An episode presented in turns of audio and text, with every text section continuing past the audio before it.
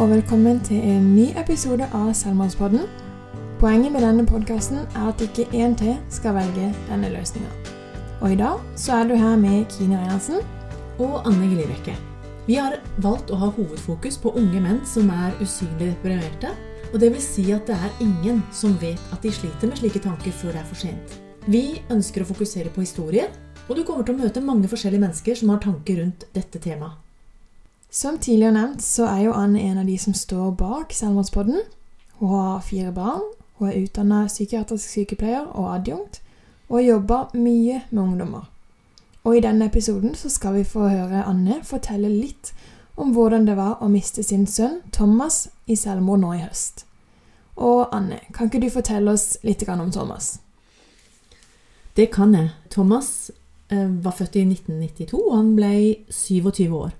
Han hadde tre søstre, og opp igjennom hele livet så har Thomas vært en glad gutt. Hvis det er noe som kjennetegner den gutten, så er det at han alltid hadde masse forskjellige venner, masse interesser, ofte en jobb som han elska, og spesielt på slutten så hadde han en jobb som han virkelig elska. Det er det kort og godt altså En liten sånn morsom ting er jo at Thomas eh, tok alltid med seg nye venner hjem. Han hadde møtt noen som hadde gjort et inntrykk på han, så her, 'Mamma, her er min beste venn. Han er der øh, Og så husker han ikke hva det het for noe.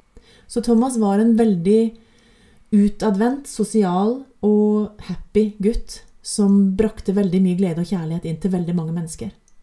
Hva var det som skjedde nå i høst? Den 9. august i høst nå, klokka 10.08, så satt jeg med en TV-stasjon som vi holdt på med. Vi skulle intervjue noen på Arendalsuka, og så ser det plinger med en mail. I den mailen så begynner den med 'unnskyld', og så skjønner jeg jo ingenting. For det, det var ikke så veldig vanlig at Thomas sender mail til meg, så jeg reiste meg opp og tenkte jeg får bare lese.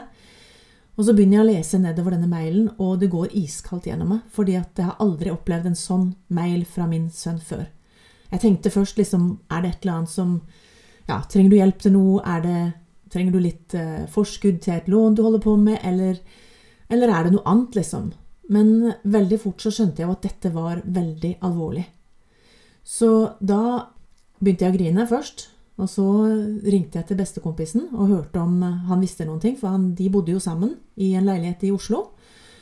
Og han skjønte veldig fort at dette var alvorlig. Han visste at Thomas ikke hadde vært helt i form fysisk, da, og vært vekke fra jobben et par dager, eller jobba hjemmefra. Og han heiv seg rundt og kjørte rett hjem til leiligheten. Og så ringte jeg dattera mi, og så gikk det egentlig slag i slag med å forstå at dette brevet som han sendte meg på mail, som han sikkert håpte at jeg kanskje ville lese en stund seinere, det var Thomas' avskjedshilsen, som var det siste jeg har hørt fra Thomas. Det er jo vondt å høre, og det bringer oss egentlig rett tilbake i den tida. Eh, nå som du er en etterlatt, har du sett noe til grunnene, hvis det går an å spørre, nå i ettertid, når du rydder opp i, i det som Thomas la igjen? Altså både, Det var, har jo vært eh, fem måneder nå med opprydding. I begynnelsen veldig mye fysisk. Noe av det første vi la merke til, det var jo at Thomas hadde ting litt rundt forbi hos veldig mange forskjellige. Det var akkurat som Hadde jeg skjønt eller tenkt på det før, så var det liksom som han brydde seg ikke så veldig mye om tingene sine i det hele tatt. Selv nye ting. Flytta litt rundt og lot det bare være igjen og sa det er ikke så farlig, bare hiv det. I mailen hans sto det jo også at dette hadde foregått i mange år. Hvor han hadde dette indre mørket som han ikke klarte å snakke om. Og vi reagerte jo ikke på det, for Thomas har alltid vært veldig sånn spontan og alltid ja, hatt nye prosjekter på gang. Men etter hvert som jeg snakka med kameratene hans, stakkars mange av de som jeg liksom har satt meg ned med og sagt Fortell, er det noen ting som gjør at vi kan forstå det? Og det er litt, Nå har vi jo nettopp eh, sittet og sett på, du og meg, Kine, eh, begravelsen til Ari Behn, hvor dattera Maud Angelica forteller om at det er ingenting som du kan på en måte ta skylda for at noen tar et selvmord. Og det er jo klart det er det første en mamma i hvert fall tenker på, at hva er det jeg har gjort for noe feil? Hva er det jeg kunne ha gjort annerledes? Og Thomas sa det jo også i brevet sitt mange ganger at det er ingen av dere som kunne ha visst, for disse tankene har vært så vanskelig for meg å snakke om. Jeg har ikke fått til å snakke om. Så til og med når noen har spurt, eller til og med når han prøvde å få hjelp, så klarte han ikke å snakke om det. Og det er jo en av de tingene som gjør verst akkurat nå, at Vi er en åpen familie, vi har vært gjennom mange ting, men, men gjennom alt så klarte ikke Thomas å snakke om disse tingene. I etterkant, som du nevner, så har jeg jo også måttet rydde opp mye på økonomiske ting som ikke jeg visste var der. Og det har jo også gjort at jeg har stilt et stort spørsmålstegn med det som Luksusfellen har satt uh, fokus på. Når du sliter litt økonomisk, og du kanskje henger litt etter med én regning, så får du plutselig pepra hele mailen din med Hvis du bare har en lønnsslipp, så kan du få låne 100 000 her, du kan få låne 50 000 her, du kan få ditt og datt. Så på veldig kort tid så pådro Thomas seg en del gjeld, som virker som en forbruksgjeld som virker som det ikke kommer fra noe sted annet enn at han måtte betale den forrige kredittregninga med en ny kredittregning. Det var iallfall det som var det jeg oppdaga mest av Kine. Det er jo ofte sånn at man oppdager litt nye sider av den avdøde etter eh, etter de har tatt selvmord, og vi har jo lest en del i forhold til denne podkasten og sett at det er mange som blir overraska over ting som har blitt holdt skjult, eller ting som den avdøde har gjort. da. Og det poengterer jo egentlig litt i Thomas' sitt tilfelle også hvor viktig det er å kunne snakke om ting, og hvor viktig det er å ikke holde ting inne. Altså det å prøve å sette ord på ting, og også litt det vi gjør med Selvmordsbåten, og belyse litt sånn tabubelagte temaer, sånn som penger og gjeld og Altså presset rundt dagens ungdom til å ha penger, til å spandere, til å være med på kule ting. Det er nok flere enn vi aner som graver seg ned i mye gjeld veldig tidlig i livet, og det blir vanskelig å, å komme ut av. Hvis vi ser litt på i ettertid av dette, altså hvem eller hva er det som du føler har hjulpet deg mest? Først og fremst så tenker jeg at eh, familien, de tre søstrene til eh, Thomas og eh, de nærmeste vennene, har vært helt uvurderlig. Jeg var jo så gal at jeg satte meg ned rett etterpå og begynte å skrive en bok. Og det var egentlig litt sånn at jeg er nødt til å skrive det nå, mens det gjør mest vondt, hvis det skal ha noe verdi for noen. Nå er jo ikke den boka gitt ut ennå, men den kommer snart. I begynnelsen så orka jo ingen andre enn Eh, Reidun i begravelsesbyrået. Vi hadde Jølstad, det gjør sikkert ikke noe å si det. Jeg er veldig veldig fornøyd med de. Og Reidun var på en måte vår person i begynnelsen. Fordi at vi fikk vite mange plasser at ja, nå er det mange som følger dere opp, og dere kan bare ringe hit og dit og sånn. Det var kjempevanskelig å svare på. Og, og, altså skulle plukke opp telefonen og skulle ringe til noen, og litt sånn, og alt var kaos. Så det blei de aller, aller nærmeste. Og i kjent Thomas-stil så blei det også hans nærmeste venner. Vi hadde en minnegruppe som vi oppretta egentlig dag, samme dagen eller samme kvelden som Thomas døde. Så valgte vi å være ærlige og fortelle at dette hadde han gjort selv. Han hadde tatt selvmord. Og vi ønska å ha en minnegruppe hvor vi ville være close på alle vennene hans. Og det du snakka om i stad, Kine, om at det er mange ting man ikke finner ut. Ja, det var noen tøffe ting med dette med økonomien og en del andre, men det var sånne småting i forhold til det positive vi fant ut. For når disse vennene begynte å dele videoer og kommunisere, og alt mulig sånn, så fant jeg ut guri land, han har et gedigent nettverk. Det er 500 mennesker her inne. Og det virker som Thomas har betydd mye for veldig mange. Mange faktisk har slitt, og han har hjulpet de.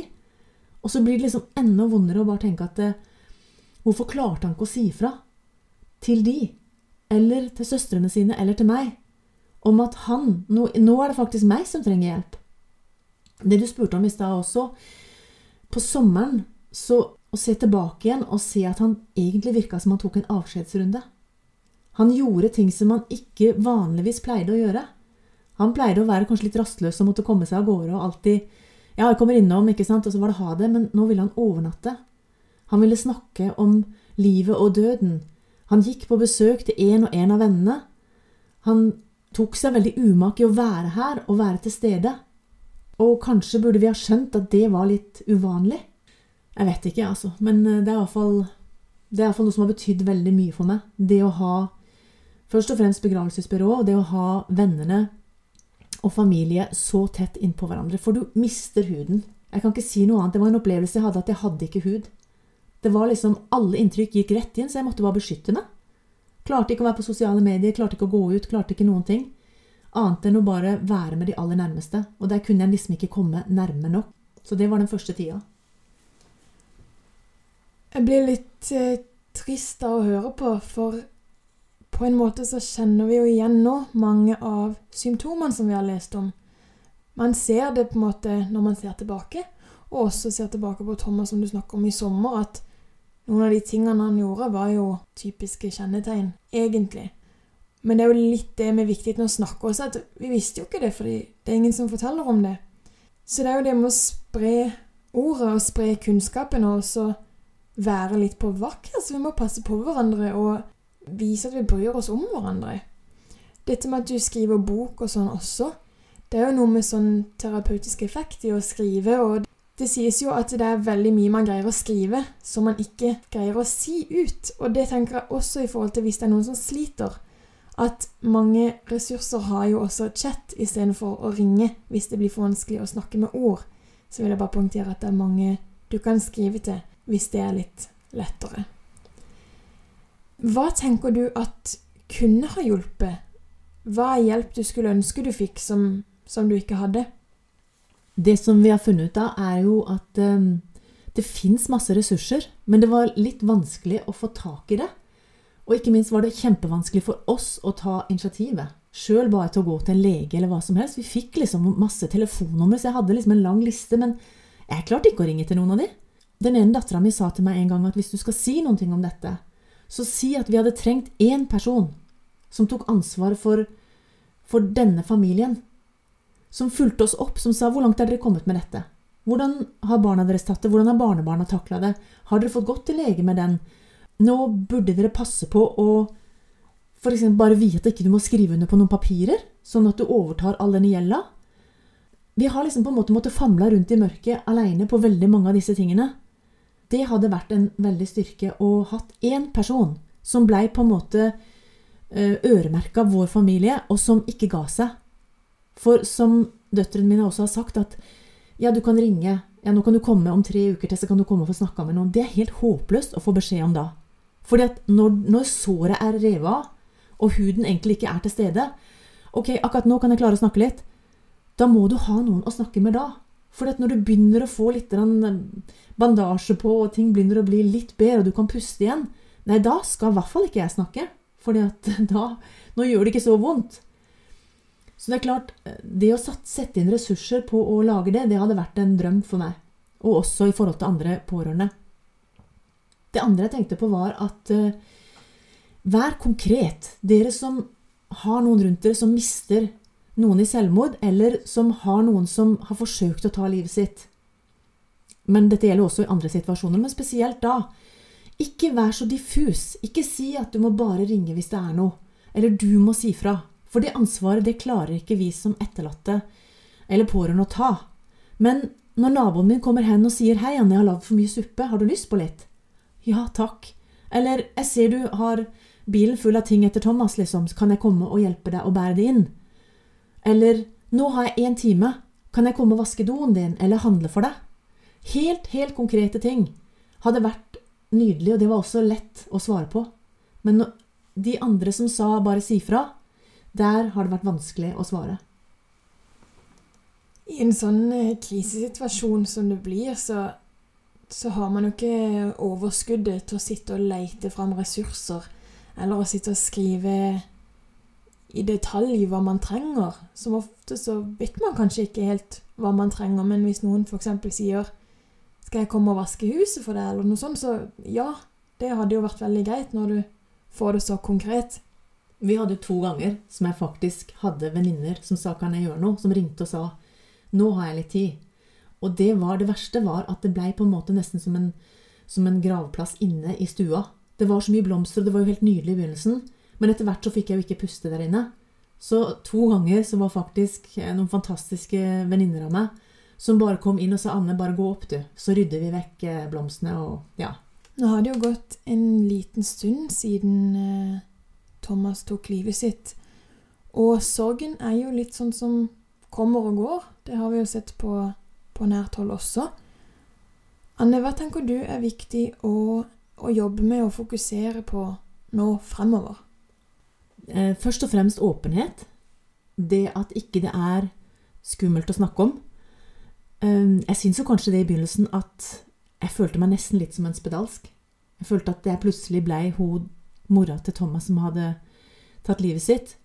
Og det å tørre å være åpen, det å tørre å starte denne selvmordspodden, det å tørre å være med Jølstad rundt eh, og ha foredrag, det har vært på en måte min hva skal jeg si for noe, en, en protest på en måte at dette bør ikke bare være skummelt å snakke om. Jeg må tørre å si at det var selvmord med Thomas. Jeg må tørre å være åpen om at ja, det er beintøft, men for å forhindre at ikke, altså for å få stoppa det, og at ikke én til skal velge dette som en løsning, for det er helt forferdelig. Som familie, som venner, som søsken, som mamma, så er det ingenting som er verre, som jeg kan oppleve, i hvert fall, enn å, at sønnen din eller dattera di plutselig ikke vil leve lenger. Kanskje blir det feil å si det. Han ønska nok å leve videre, men smerten inni han blei for vanskelig. Og det å tørre å by på meg sjøl, sjøl om jeg både i poden her og før vi skulle begynne i dag, så begynte jeg å grine Det er kjempesårt og kjempevanskelig, men veldig, veldig viktig. Det å fortsette å ha samarbeid med andre som jobber beinhardt for å hjelpe mennesker som har det vanskelig, som har det mørkt. Jeg blir veldig imponert over alle de institusjonene eller eh, organisasjonene som jobber frivillig med å hjelpe mennesker hver eneste dag. Det fins krisetelefoner, det fins oppfølging. For det viktigste for meg da blir jo å ta meg av familien også. Når vi har drevet research, Kine, så har vi jo funnet ut at det er veldig mange organisasjoner som gjør en kjempejobb, både på sosiale medier og med telefoner og med kampanjer. Men det må gjøres mye mer. Så det får vi se om vi kan klare å ha en rolle i. Ellers, på personlige planet mitt, så betyr det veldig mye for meg å fortsette å jobbe sammen med familien for å komme oss videre som familie. For det har vært som om teppet blir reven under føttene våre, og det har vært veldig, veldig tungt for søstrene til Thomas. Jeg har skrevet denne boka, og jeg syns det er vanvittig tøft. Jeg er så stolt av disse jentene mine også, for at jeg både får lov til å drive Selvmordspodden, at jeg får lov til å skrive denne boka og utgi den, og at de kommer med impulser og støtter meg så mye, det er gull verdt for meg. Og jeg tror også det er viktig for at de skal komme seg videre. Vi har valgt åpenhet fra dag én, og hvis det kan være med å redde et liv, så er det verdt alt å fortsette på den veien. Til slutt så må jeg nesten bare si tusen, tusen takk, Anne. Både for arbeidet du gjør her i podden, men også at du velger å dele så ærlig og åpent, selv om det er sårt. Vi trenger jo å høre det du forteller, og det er jo halve poenget med podkasten. At man skal greie å dele og sette ord på ting. Så jeg tror nesten dagens eh, tips får bli det vi var litt inne på tidligere. Om du ikke greier å fysisk prate med noen, så i hvert fall ta kontakt via chat. Um, det er jo tilgjengelig på flere hjelpestasjoner. Og også dette med å ikke grave seg ned, men å tørre å åpne litt opp. Finn om ikke annet én person som du kan greie å stole litt på, og si at eh, 'Hei, du, jeg har det ikke helt greit akkurat nå'. Til slutt så nevner vi ressursene som vi pleier. Da har vi Kirkens SOS og Mental Helse, som begge er døgnåpne krisetelefoner. Vi har Leve, som er Landsforeninga for etterlatte ved selvmord. Da går du inn på leve.no. Og så har vi Kors på halsen, som er samtaletelefon for barn og unge under 18 år. Og med det så runder vi av dagens episode og høres neste gang.